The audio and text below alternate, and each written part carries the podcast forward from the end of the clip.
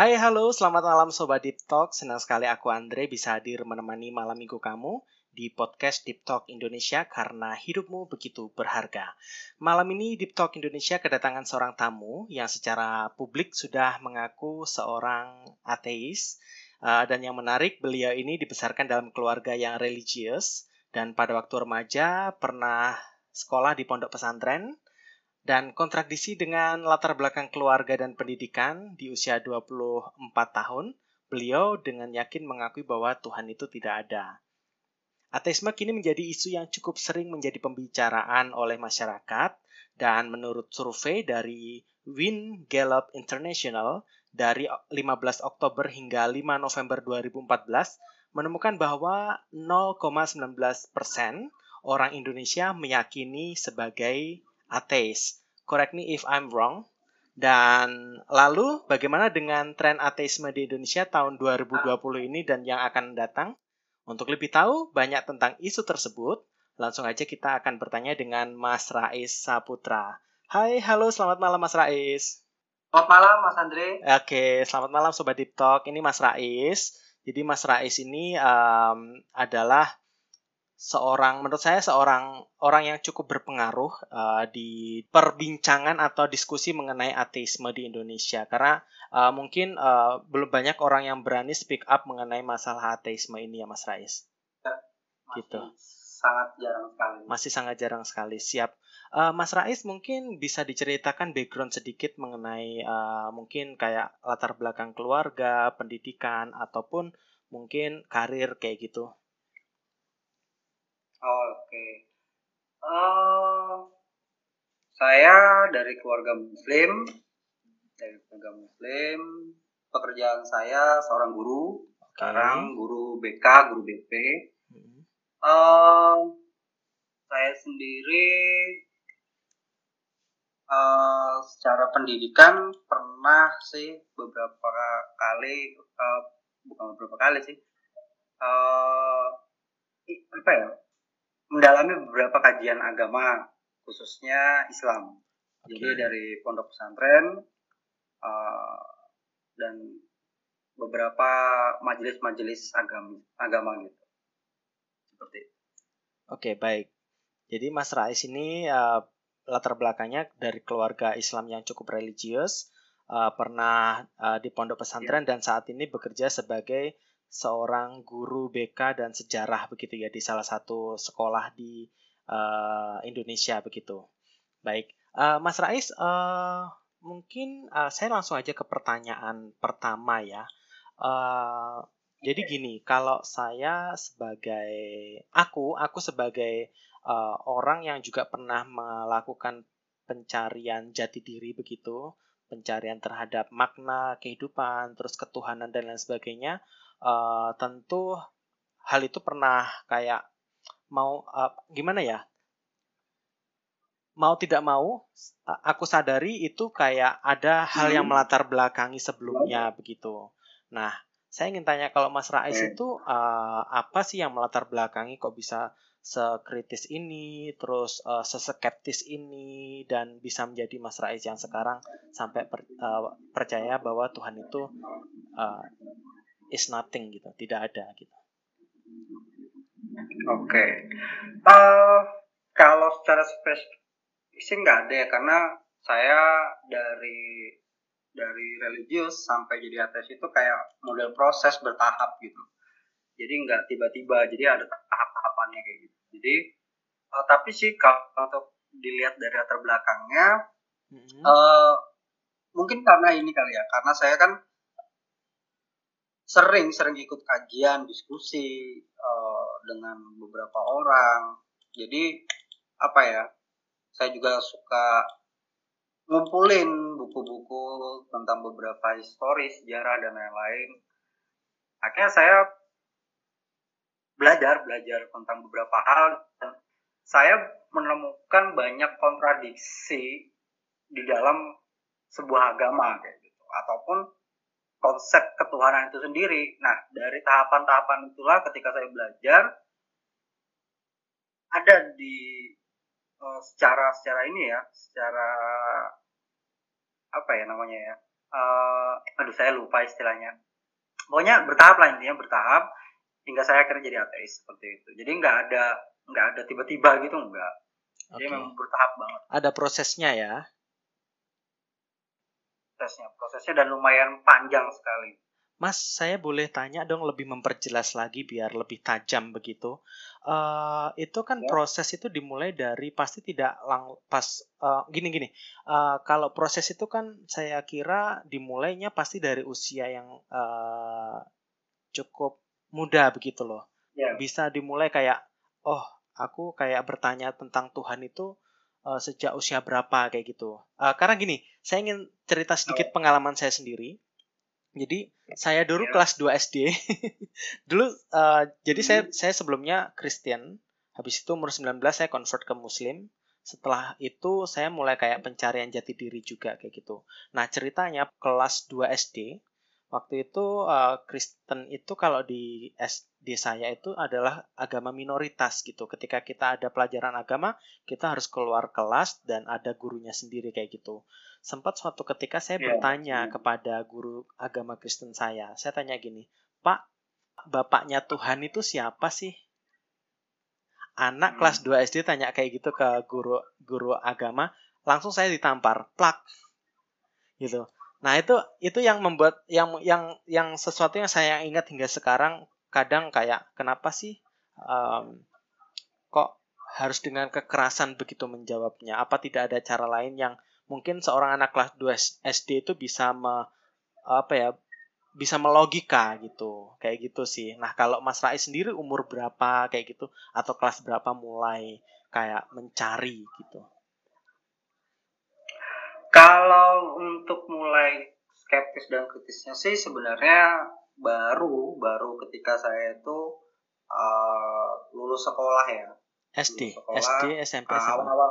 Ah ini uh, eh, SMA oke okay, SMA lulus SMA gitu kan. Uh -huh. saya baru mulai mulai karena di situ saya uh, apa ya ketemu dengan banyak orang. Oke. Okay. ketemu dengan banyak orang dan banyak berdiskusi akhirnya di situ uh, saya mulai dapat dapat dapat insight yang baru di situ. Karena sebelumnya saya sih sendiri uh, karena di, di dalam Islam itu kan agak beda ya mungkin di dengan agama lain. Di Islam itu kritis tentang Tuhan ataupun agama itu sangat-sangat tabu sekali gitu. Jadi ketika kita belajar dari kecil sampai SMA itu pilihannya cuma dua. Belajar tekun agama atau cuek dengan agama jadi kalau mungkin yang cuek ini bisa kita sebut kayak Islam KTP modelnya seperti itu jadi pilihannya dua itu. Tapi kalau kita kritis untuk mempertanyakan agama itu mungkin hanya beberapa orang tertentu, hanya tertentu saja. Mungkin dari pengalaman keluarganya yang berbeda atau dan lain macam-macam lah ya. Setidaknya sedikit sedikit sedikit sekali kasus orang yang di dalam muslim itu yang mempertanyakan tentang Tuhan atau agama itu sendiri. Dan kebanyakan mereka kalaupun ada yang mulai-mulai bertanya seperti itu biasanya mereka belajarnya di tasawuf. Oke. Okay. tasawuf Tasawuf itu apa sih mas? Mohon maaf. Tasawuf itu semacam aliran spiritualnya di dalam Islam. Hmm, baik. Jadi aliran dia lebih spiritual. ke hal-hal yang lebih spiritual. Kalau di Islam itu ya di tasawuf itu. Jadi dia mungkin agak berbeda alirannya. Nah, uh, sebentar saya potong sebentar. Saya, spiritual itu dalam ya. artian uh, kayak dia lebih memperbanyak ritualisme atau lebih banyak ke diskusi atau bagaimana sih mas? Lebih banyak ke ritual. Oh, ritual. Jadi tapi ritual-ritual secara pribadi ya, ritual-ritual secara pribadi. Jadi dia lebih ke benar-benar ke konsep konsep ke, kejiwaannya dia gitu loh. Ibadah untuk kejiwaannya dia. Jadi dia tuh memper, memper memper apa ya? Mempermasalahkan hal-hal yang buat mereka semacam kayak hukum-hukum yang terlalu literal. Oke. Okay. Jadi mereka lebih fokus ibadah ke diri mereka sendiri. Oke, okay, siap. Baik. Siap, Mas. Lalu silahkan dilanjut. Nah, sedangkan saya sendiri uh, setelah lulus SMA itu baru ketemu orang-orang banyak itu dan banyak diskusi. Karena sebelumnya saya sempat cuek aja dengan agama dan nggak terlalu peduli gitu. Walaupun walaupun uh, saya punya bekal sedikit tentang agama yang dari lulusan pondok itu. Tapi saya mulai mendalaminya lagi setelah lulus SMA itu karena ketemu banyak orang tadi. Nah ketika hmm. saya mendalami perjalanan mendalami itu secara intens ya secara intens masuk ke beberapa majelis dan beberapa kajian-kajian nah di situ saya mulai mulai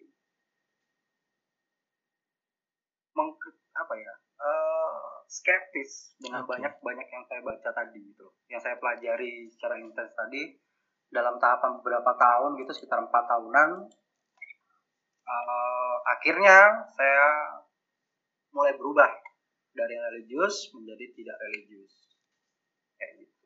Baik. Tapi uh, tentunya ketika berubah da dari religius ke tidak religius itu Mas tidak meninggalkan hal-hal yang sifatnya moralitas kan? Uh, moralitas seperti apa dulu ini, Mas? Nah, uh, maksud saya di sini kan uh, kalau kita temanya sebagai ateis itu kan orang kadang pandangannya itu wah ateis ini uh, anti ketuhanan, ateis ini uh, hmm. nanti akan merusak gitu. Jadi akan akan bila ateis ini menguasai dunia maka akan menghancurkan orang orang-orang beragama kayak gitu. Nah kalau kalau dari hmm. versi Mas uh, Rais sendiri itu bagaimana? Uh, ya ada memang beberapa beberapa stigma seperti itu ya ke, ke ke khususnya ke ateis seperti saya mungkin dan mungkin yang lainnya juga ya saya nggak tahu. Tapi kebanyakan beberapa yang saya kenal juga dapat dapat stigma seperti itu juga. Jadi sebenarnya ini ada kesalahpahaman sih uh, banyak yang orang mengatakan bahwa moralitas itu absolut, padahal sebenarnya enggak. Moralitas itu sangat-sangat relatif. Moralitas itu sangat-sangat subjektif dan moralitas itu tergantung selera sebenarnya. Hanya saja karena karena mungkin lingkungan atau masyarakat suatu daerah akhirnya beberapa moralitas itu dianggap pakem di sebuah lingkungan itu padahal enggak sebenarnya.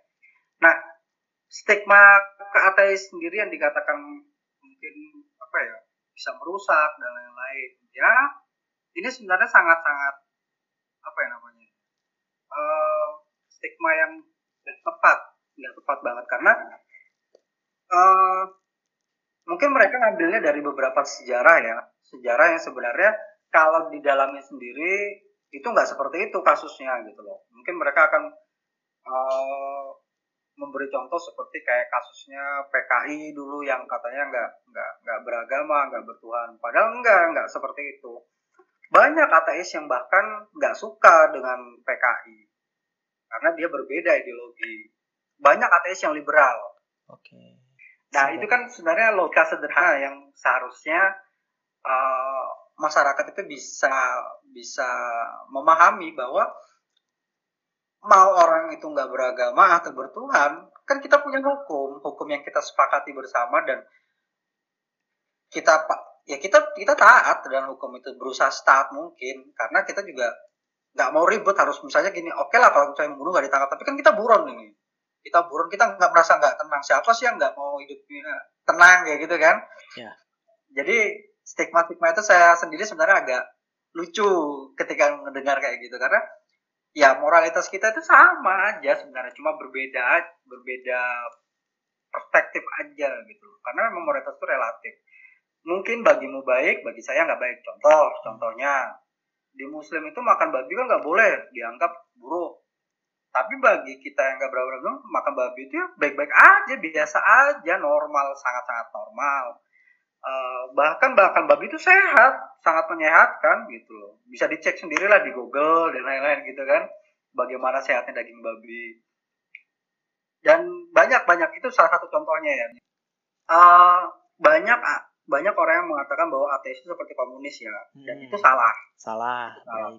Karena belum tentu, karena belum tentu seorang ateis itu komunis gitu loh. Karena banyak ateis yang liberal dan liberal itu sangat bertentangan dengan yang namanya komunis. Oh, okay. Jadi ada semacam kesalahpahaman di masyarakat ketika mengistilahkan sebuah ateis itu bagi komunis enggak sangat enggak banyak bahkan teman-teman itu banyak yang yang liberal uh, teman-teman itu yang liberal yang dia kontra dengan pemikiran ideologi uh, dan lain-lain seperti itu. Oke, siap.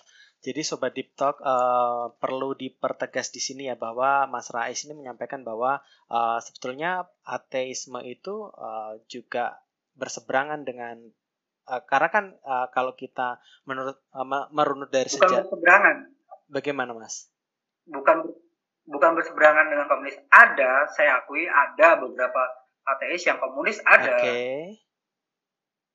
Nah, tapi juga ateis yang liberal juga banyak. Ateis yang Jadi, liberal juga banyak. Orang yang ateis, nah, orang yang ateis belum tentu komunis. Orang yang komunis juga belum tentu, tentu ateis. ateis. Okay. Jadi nggak bisa menyamakan antara ateis dan komunis. Oke, okay, baik.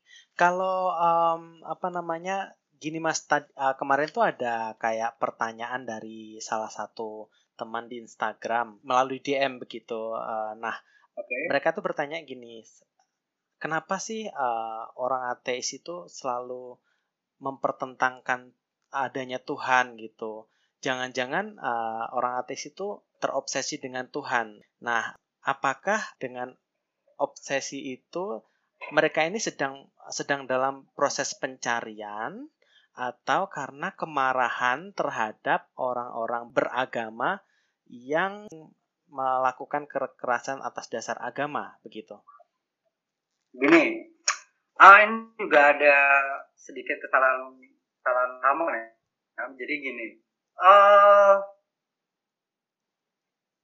orang-orang ateis yang mempertangkap apa ya mempertentangkan Tuhan itu bukan berarti dia terobsesi atau marah dengan Tuhan karena kasus-kasus uh, apa orang-orang beragama yang jadi yang yang fanatik kayak gitu kan yang fanatik dan keras gitu. Bukan bukan gitu.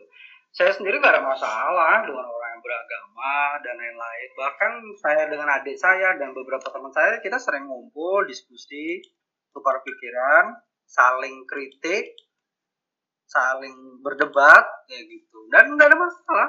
Saya nggak pernah ada nggak pernah marah dengan yang namanya Tuhan enggak bahkan saya selama hidup itu hampir selama hidup selalu dapatin apa pun yang saya inginkan kayak gitu. Cara secara ini ya secara umum ya. Jadi nggak ada masalah jadi buat apa marah sama Tuhan kayak gitu kan. Itu untuk kasus saya ya. Hmm.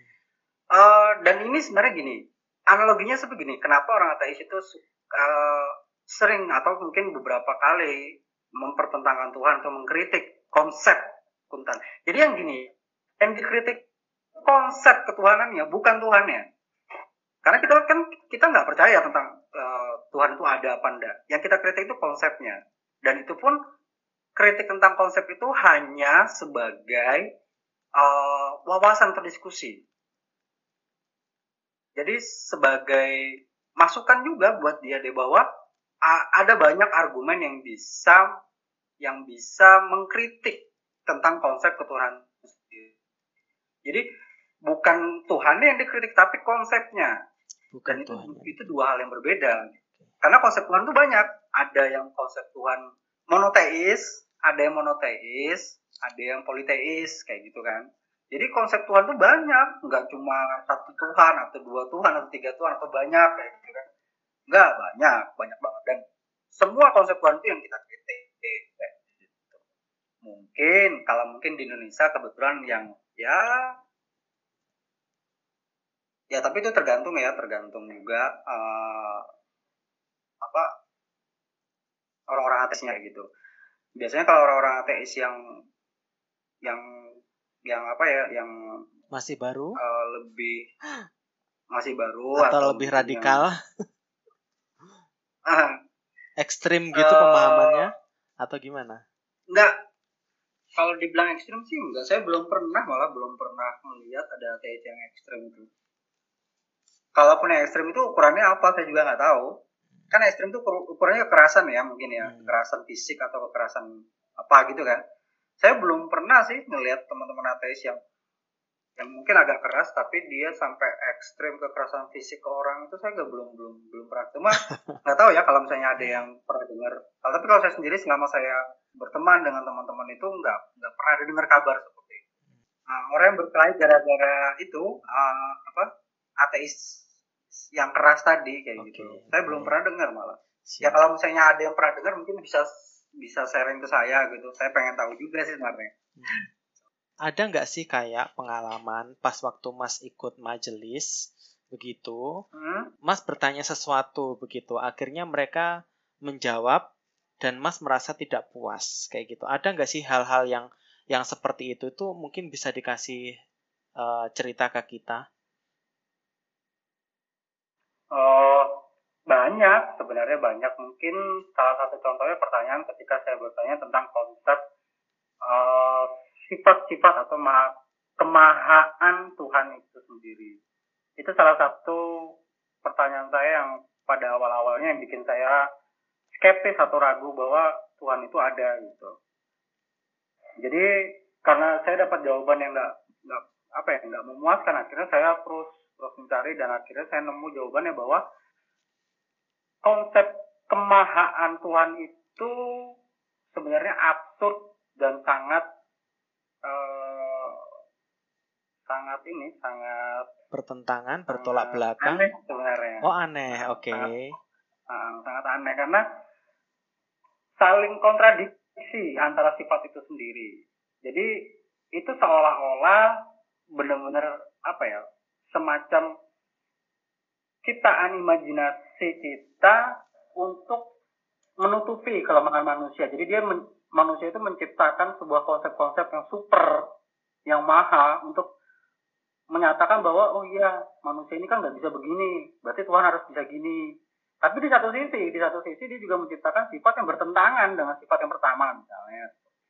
Jadi itu saling bertentangan, saling kontradiksi, absurd, dan itu hal yang bagi saya, wah ini cuma konsep imajinasi. Mungkin ada nggak sih kayak eh literasi atau literatur yang Mas baca hingga Mas itu kayak yakin banget bahwa oh it- it's nothing gitu. God is nothing gitu. Ada nggak literasi kayak gitu?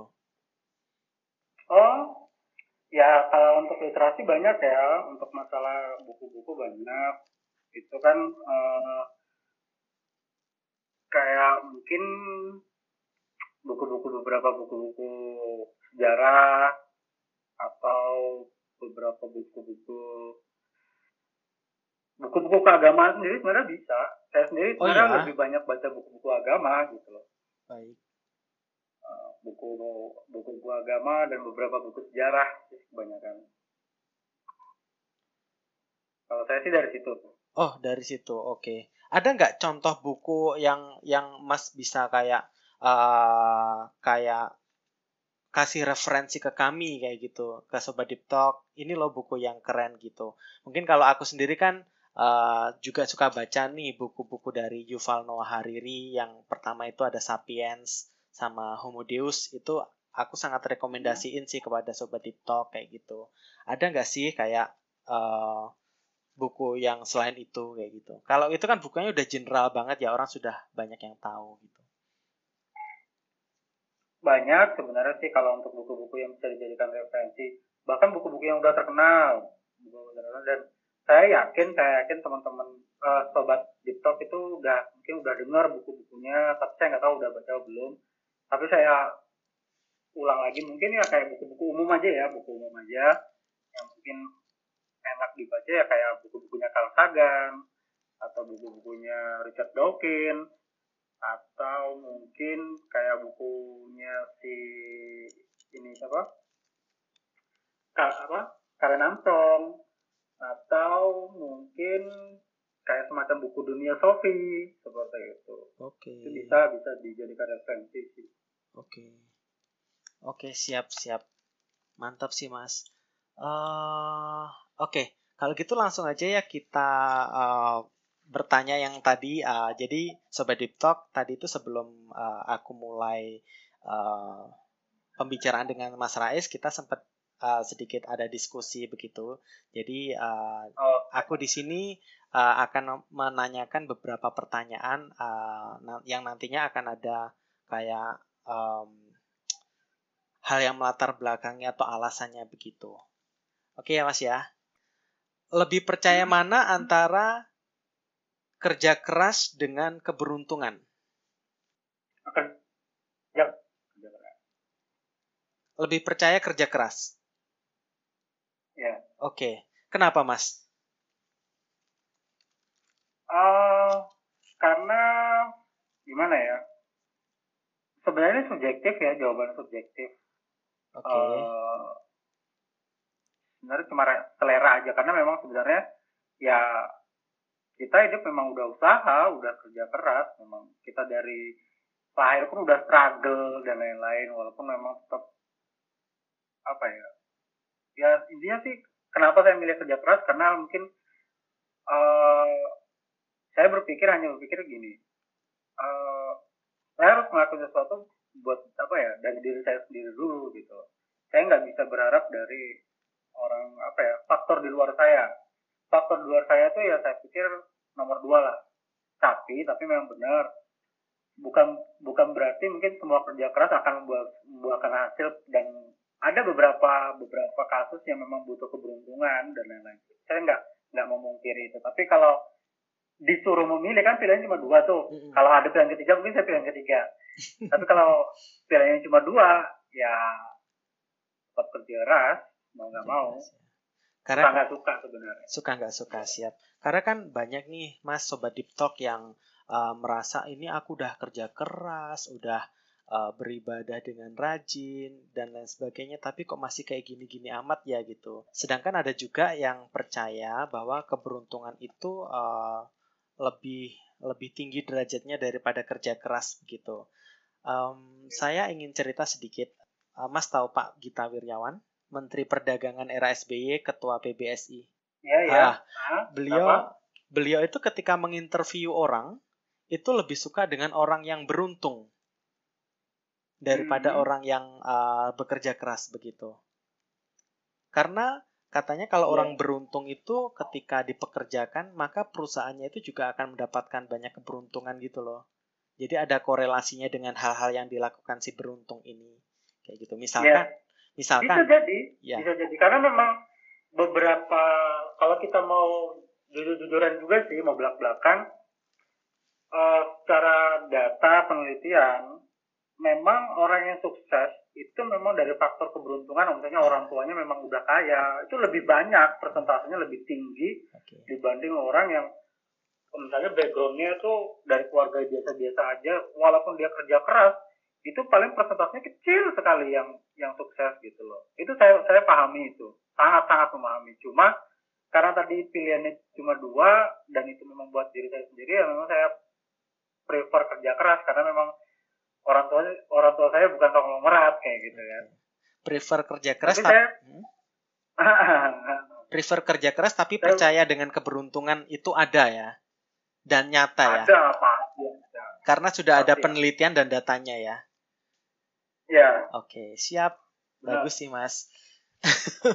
Memang kalau berbicara mengenai keberuntungan dan kerja keras ini agak sedikit uh, miris ya, karena kadang ada orang yang Ya karena tadi gimana? Hmm.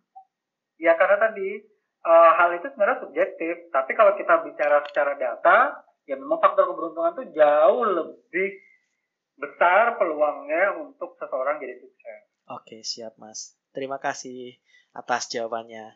Uh, yang kedua, Mas, ini yang sangat generik sih. saya sudah tahu jawabannya, tapi saya ingin ulang di sini karena kan sobat digital mungkin belum tahu gitu, belum uh, banyak yang tahu soal Mas Rais mungkin kayak gitu. Nah, setan percaya atau tidak dengan adanya Apa? percaya atau tidak dengan adanya setan? Setan, hantu. Hantu. Oh. Enggak, enggak. Hantu sama setan beda ya? Sa ya sebenarnya sama aja. Sama aja. Jin, okay. hantu, setan apa pun itulah yang hal-hal gaib lah intinya. Enggak, saya enggak percaya. Enggak percaya karena apa? Ya karena itu memang pure halusinasi, pure imajiner ya. Imajinasi, pure omongan yang dibesar-besarkan kayak gitu. Ya. Oh, di tempat itu ada gini gini gini gini. Nanti orang kan ketika lewat itu dia udah tersugesti nih dengan omongan orang bertahun-tahun uh, makanya kan tiap daerah itu punya hak konsep hantu atau urban legend ya. setan apa pun berbeda-beda bahkan di tiap negara juga beda ya, ya. jadi kalau setan sama hantu ini kan kayak urban legend ya ya mengikuti dengan dengan kan culture iya misalnya gini kan nggak lucu misalnya di di Inggris banyak pocong ya kan? itu pocongnya ketutup kayaknya iya sih uh, jadi memang kalau saya juga atau hmm, gimana? uh, atau misalnya di Swiss gitu kan di Swiss banyak apa uh, tuyul kayak gitu. Tuyulnya kedinginan di sana kali. Oke. Okay. nggak pakai baju kan kalau tuyul. oke. Okay. jadi mas kan nggak percaya karena itu kayak sosok imajiner halusinasi dan lain sebagainya. Apakah yeah, uh, apakah itu, hmm? uh, itu pure halusinasi dan cuma uh, apa ya imajinasi orang-orang dan yang dilebih-lebihkan gitu oke okay. itu cerita rakyat ya uh. oke okay. terima kasih Terus yang uh, pertanyaan ketiga adalah dunia ini kan sangat hmm? besar ya, sangat luas sekali. Dan uh, bumi sendiri itu ada di dalam galaksi Bima Sakti. Benar nggak sih? Correct me yeah. if I'm wrong. Nah, Mas percaya nggak sih uh, ada planet lain di luaran sana yang sama seperti bumi?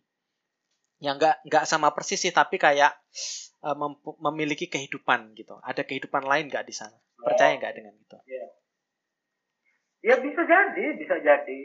Tapi kalau dibilang percaya ya nggak mutlak. Tapi kalau dibilang nggak percaya juga nggak mutlak. Jadi bisa jadi ah, lima puluh lima puluh lah kemungkinan ada. Secara persentase kemungkinan ada. Karena belum ada penelitian yang membuktikan ya. Iya. Oke, siap. Terima kasih. Tapi secara persentase secara persentase apa persentase ini ya apa namanya kemungkinan eh, probabilitas sih sorry sorry sorry bukan ini persentase secara kemungkinan ada probabilitasnya ya tinggi ada kehidupan di luar gitu. karena memang jumlahnya kan sangat sangat tidak terhitung hampir tidak terhitung tidak terhitung malah oke siap siap siap oke yang keempat ini pertanyaan titipan mas um, kalau uh, mas sebagai seorang ateis itu percaya nggak sih dengan ya. time traveler itu ada? Kalau secara sains dengan beberapa beberapa teorinya beberapa ilmuwan yang saya baca uh, sangat tidak memungkinkan seseorang itu kembali dari masa depan ke masa lalu. Tapi kalau saat ini ke masa depan itu kemungkinan bisa karena dia memang kecepatan kan. Semakin cepat orang itu waktu itu akan semakin ya seperti itulah uh, apa ya berefek gitu loh. Oke. Okay. Jadi secara teorinya, secara teori beberapa ilmuwan, perjalanan waktu ke masa lalu itu hampir mustahil.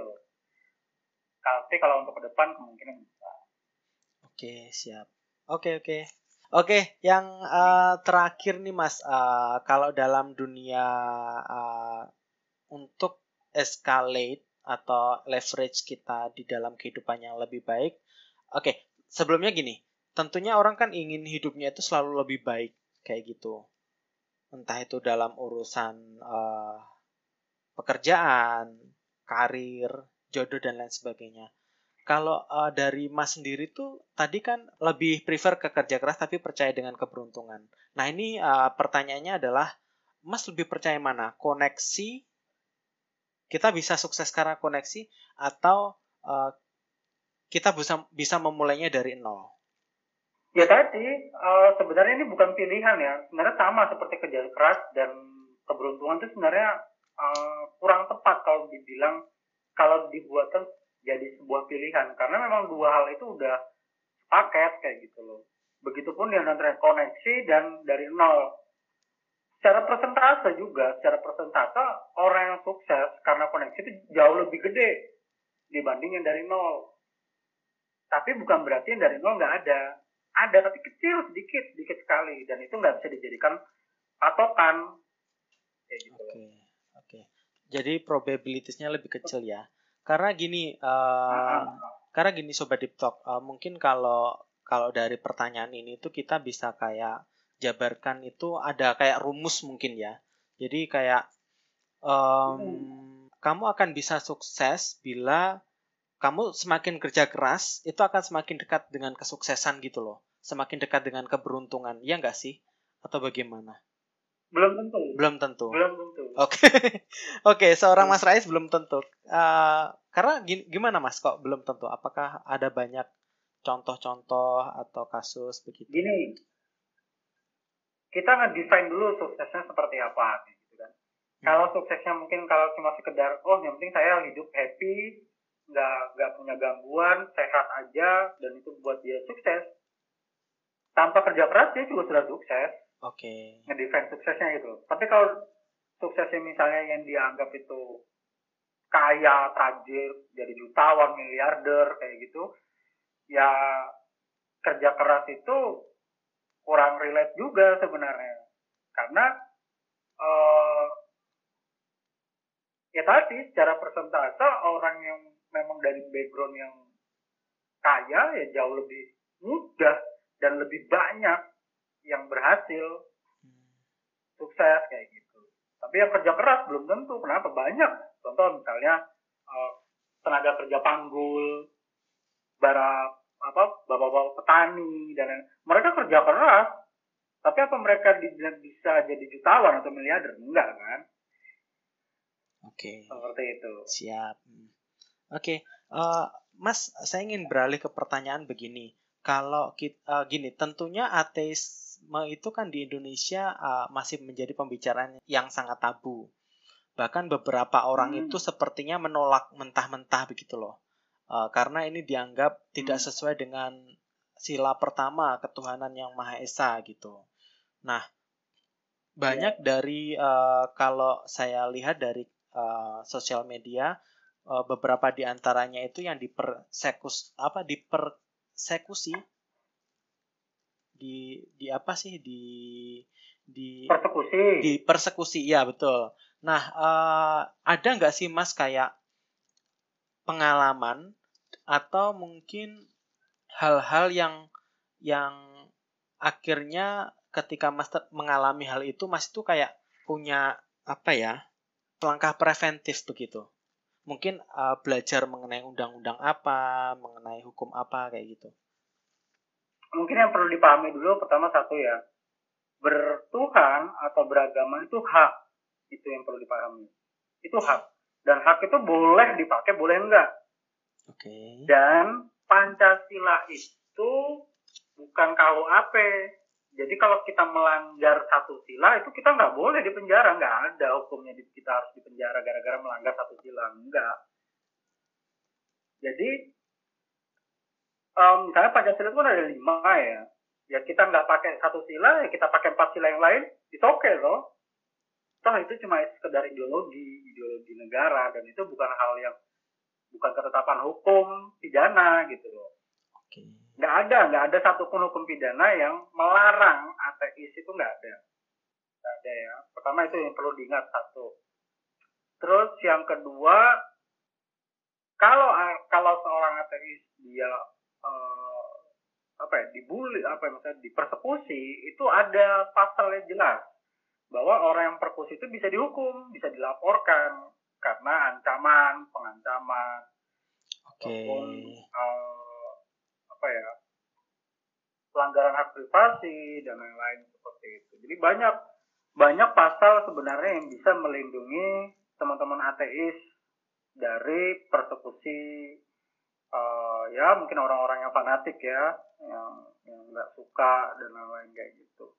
Banyak banyak sebenarnya pasalnya. Dari uh, apa ya dari pasal pengancaman pasal persekusi juga ada main hakim sendiri pengeroyokan itu semua bisa dipakai untuk melaporkan orang-orang yang um, persekusi siapa pun bukan hanya orang ateis siapa pun sebenarnya Oke, untuk penjabaran uh, pasalnya uh, ada nggak Mas bisa di-share nggak ke kita? Atau Apa? untuk penjabaran pasal-pasalnya itu ada nggak bisa uh, bisa nggak di-share ke kita gitu? Itu pasal berapa gitu?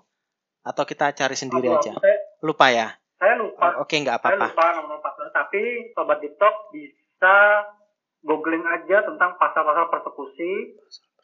Kata kuncinya ya, kata kuncinya pasal-pasal persekusi dan pasal-pasal pengeroyokan persekusi pengeroyokan. Dan ini undang-undang privasi. Oh, undang-undang privasi. Iya. Kalau perlakuan tidak menyenangkan itu masih ada nggak sih? Uh, saya ingat saya sih masih ada tapi sudah nggak terlalu nggak terlalu ini ya nggak terlalu terlalu karet kuat ya itu karena ya memang ah, karena memang itu termasuk pasal karet Hmm. dan sangat sangat subjektif dan saya Hmm. tidak merekomendasikan untuk pasal-pasal Mhm. Oke, Mas, eh, terima kasih atas eh, jawabannya. Ini kan membantu sekali untuk Sobat Deep Talk. Misalkan ada kayak kejadian ketika dikeroyok atau dipersekusi atau diancam seperti itu, sehingga kita bisa kayak sebagai langkah preventif pencegahan agar kita tidak eh, mengalami hal yang tidak menyenangkan gitu. Tentunya setiap orang kan ingin hidup damai-damai saja, tapi meskipun kita berbeda benar berbeda pandangan kita betul, uh, kita tetap uh, tetap harus baik begitu dengan orang lain kayak gitu. Lalu Mas uh, kalau untuk uh, pertanyaan berikutnya adalah ada nggak sih komunitas? Kalau saya pernah mencari kan di Facebook tuh uh, Abam, Anda bertanya ateis menjawab. Benar kan? Hmm, Ada nggak sih kalau yang Ya. di real life itu uh, kita bisa apa ya diskusi bareng, kita bisa kopdar bareng, terus kita bisa ngopi ngobrol bareng kayak gitu. Komunitasnya kayak gitu mas, komunitas ateis. banyak sih kalau dibilang cuma kalau cuma semacam grup-grup FB dan lain-lain itu banyak tapi kalau untuk komunitas itu sendiri nggak ada Oke. karena memang iya karena untuk kalau kalau komunitas itu nggak ada karena memang ateis itu beda ya dengan agama ateis itu nggak ada kayak apa ya ya beda beda dengan agama ateis itu hanya sekedar reaksi reaksi kita tidak percaya dengan adanya konsep Tuhan Oke, gitu. paham. disebut ateis Iya, paham. jadi ateis itu bukan bukan sebuah Community, kult, ya. bukan sebuah kepercayaan, bukan sebuah keyakinan, bukan. Ateis itu justru ketidakyakinan, Oke, kebalikannya dari keyakinan. Iya. Bukan percaya percaya ateis eh, punya keyakinan ateis, bukan itu salah. Oke, Diksinya salah, keyakinan ateis percaya salah. Ateis itulah ketidakyakinan terhadap Tuhan. Terus kemudian eh, ateis itu bukan seperti agama, gitu. tidak tidak ada kult, tidak ada dogma, tidak ada doktrin, jadi tidak ada komunitas. Cuma memang kalau misalnya ketemu, ketemu ya sama-sama teman-teman ateis ya, ya ketemu ketemu aja, ketemu nongkrong ngobrol kayak gitu-gitu doang. Hmm. Tapi kalau di grup FB banyak, bisa di searching sih, ada kayak ateis Republik, itu kayak fanpage gitu ya. Itu se internasional sih, kalau ateis Republik itu internasional. Ada Jadi berapa ada di member tuh mas? Di luar negeri juga banyak, karena memang gelombang orang-orang eh, apa ya, jadi ateis itu makin tinggi gitu, Oke. makin tinggi secara presentasinya makin tinggi. Jadi gelombang eh, menjadi ateis itu semakin tinggi gitu. Termasuk seperti di Arab Saudi kemarin ya. Jadi kemarin saya baca berita Ya, ah, katanya untuk eh, anak muda di Arab Saudi itu eh, prosentase untuk menjadi ateis itu semakin tinggi gitu karena mereka sudah muak dengan aturan-aturan yang ketat begitu, terlalu tidak rasional untuk manusia begitu. Gitu. ya Siap. Jadi memang eh, Sobat Deep Talk eh, untuk em, komunitas sendiri itu tidak ada, tapi Sobat Deep Talk bisa cari di Facebook. Eh, di situ ada banyak sekali kayak eh, komunitas eh, seperti Abam, Anda bertanya Grup. menjawab seperti grup gitu ya. Gitu. Nah, Mas eh, tadi itu saya ingin tanya. Ini ini mungkin agak sedikit apa ya? Kayak kita tentunya sebagai manusia kan harus saling membantu. Eh, setiap Hmm. setiap manusia kan mempunyai hak untuk eh, membantu dan dibantu begitu. Ada nggak sih eh, lembaga yang bisa mengadvokasi orang-orang yang mungkin memiliki cenderungan ateis dan dia sedang bermasalah dengan eh, mungkin kelompok atau yang orang-orang yang mempers- mempersekusi begitu. Karena kan kalau misalkan kita pakai jasa pengacara kan tentu mahal begitu. Ada nggak sih advokasi atau LBH, NGO yang menaungi orang-orang yang sedang dalam masalah hak asasi manusia gini? banyak banyak Eh, kebanyakan sih untuk lembaga-lembaga yang bisa mengadvokasi itu adalah lembaga-lembaga yang eh, berdasarkan HAM ya. Contoh, kalau yang internasional itu ada Amnesty Internasional, itu bisa. Terus di Indonesia juga banyak, ada yang pokoknya yang ber, yang lembaga yang basisnya itu tentang hak, ya tentang HAM, khususnya HAM itu banyak kayak di Indonesia ada SafeNet, ada kabar sejuk, oh. bahkan mungkin kalau uh, untuk beberapa kasus itu ya YLBHI juga bisa bantu tergantung kasusnya kalau kasusnya ada pelanggaran-pelanggaran hak di situ nanti teman-teman YLBH itu bisa membantu membantu advokasi dan lain-lain. Baik. Banyak banyak. Siap. Terima kasih atas jawabannya. Karena gini Mas, uh, kita di hmm? Indonesia itu kan sangat diverse. Uh, mulai dari pendidikan hmm. yang uh, menurut saya juga jomplang, terus tingkat literasi yang juga masih sangat rendah, ini sesuai data dengan OECD ya, karena kan dari seribu orang hanya satu orang yang memiliki minat baca. Nah itu kan salah satu seperti um, sign bahwa banyak orang yang kurang melek dengan literasi gitu. Sedangkan banyak orang yang mem sangat membutuhkan gitu uh, advokasi, perlindungan hukum.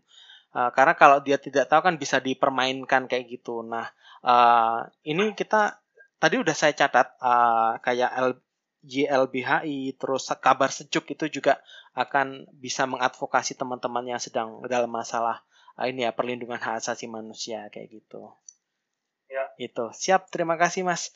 Uh, mas uh, mungkin terakhir paling terakhir itu ada nggak sih pengalaman di masa ke uh, apa ya di proses itu kayak hal-hal terberat apa yang bisa di yang bisa Mas ceritakan gitu. Misalkan uh, dulu kan ceritanya pernah diancam dibunuh. Nah, itu sampai prosesnya kayak apa gitu apakah Mas akhirnya betul-betul didatengin atau bagaimana gitu?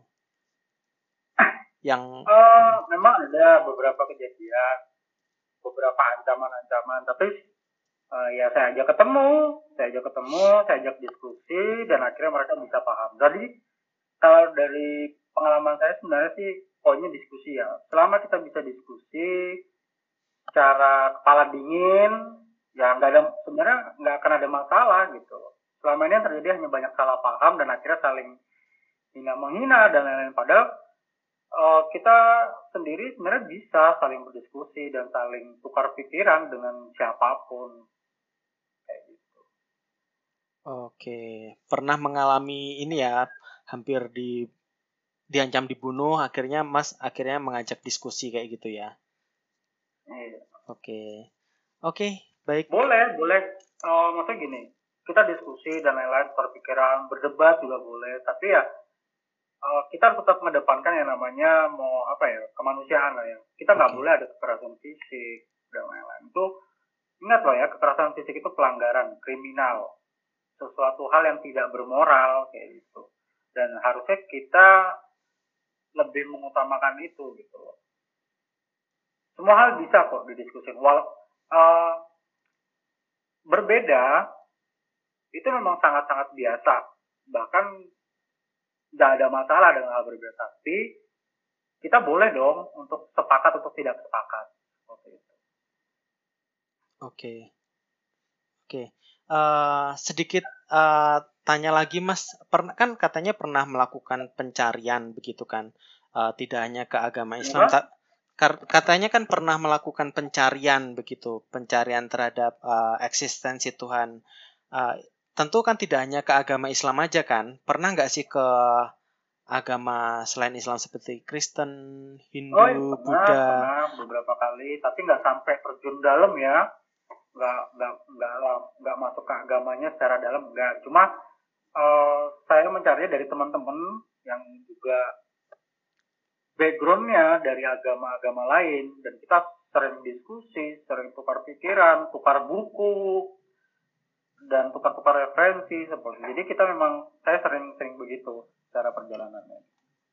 Oh gitu. It cuma gitu aja tukar buku, tukar pikiran gitu aja, nggak sampai kayak mendatangi uh, misalkan kalau uh, kiblatnya Hindu kan untuk di Indonesia ini ada di Bali kayak gitu. Mas datang ke sana terus uh, sampai tidur berapa hari ke tempatnya apa tetuanya yang ada di Bali gitu enggak? Enggak. Oh enggak sampai sejauh itu. Karena saya pikir ya dari orang-orang dari teman-teman yang menganut agama itu saya pikir udah cukup gitu. karena dia juga bukan orang-orang yang wawasannya rendah saya pikir ya saya rasa mereka bukan wawasannya rendah karena mereka bukunya banyak tentang tentang agamanya sendiri jadi kita uh, saya merasa sudah ketika saya bertukar pikiran dengan teman-teman yang basic dari agama itu saya pikir udah cukup karena referensinya banyak oh oke okay.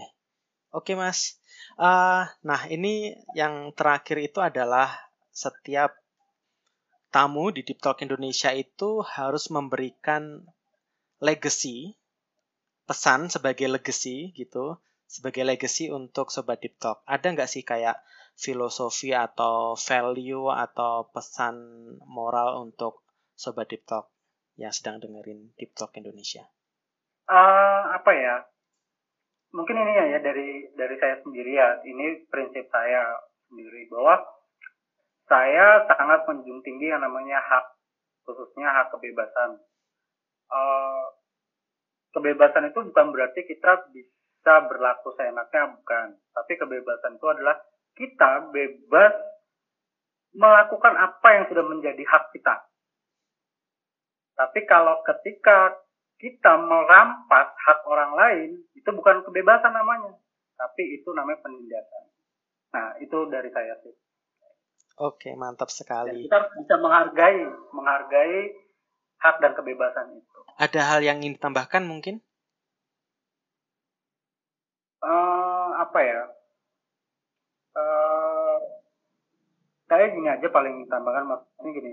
Nah, saya pengen sih Indonesia khususnya ya sangat harusnya gini untuk mengurangi mengurangi uh, karakter mereka yang keras karena tidak apa ya kurang kurang diskusi dan lain-lain seperti itu utamakan lah maksudnya utamakan diskusi utamakan tukar pikiran jangan dikit-dikit main persekusi hal-hal barbar dan boleh marah boleh boleh tidak suka membenci boleh boleh sekali itu hak tapi jangan pernah memakai yang namanya kekerasan fisik oke siap jangan memakai kekerasan fisik gitu.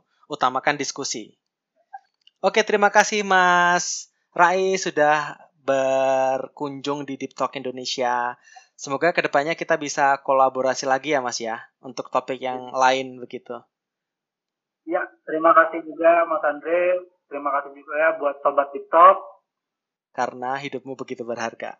Oke Sobat Deep Talk, itu tadi perbincangan Deep Talk Indonesia dengan Mas Raisa Putra. Terima kasih sudah mendengarkan podcast Deep Talk Indonesia. Tiada gading yang tak retak, bila ada salah kata mohon dimaafkan. Dukungan, saran, dan kritik kami perlukan demi meningkatkan konten ini. Sampai jumpa di episode berikutnya. Deep Talk Indonesia karena hidupmu begitu berharga.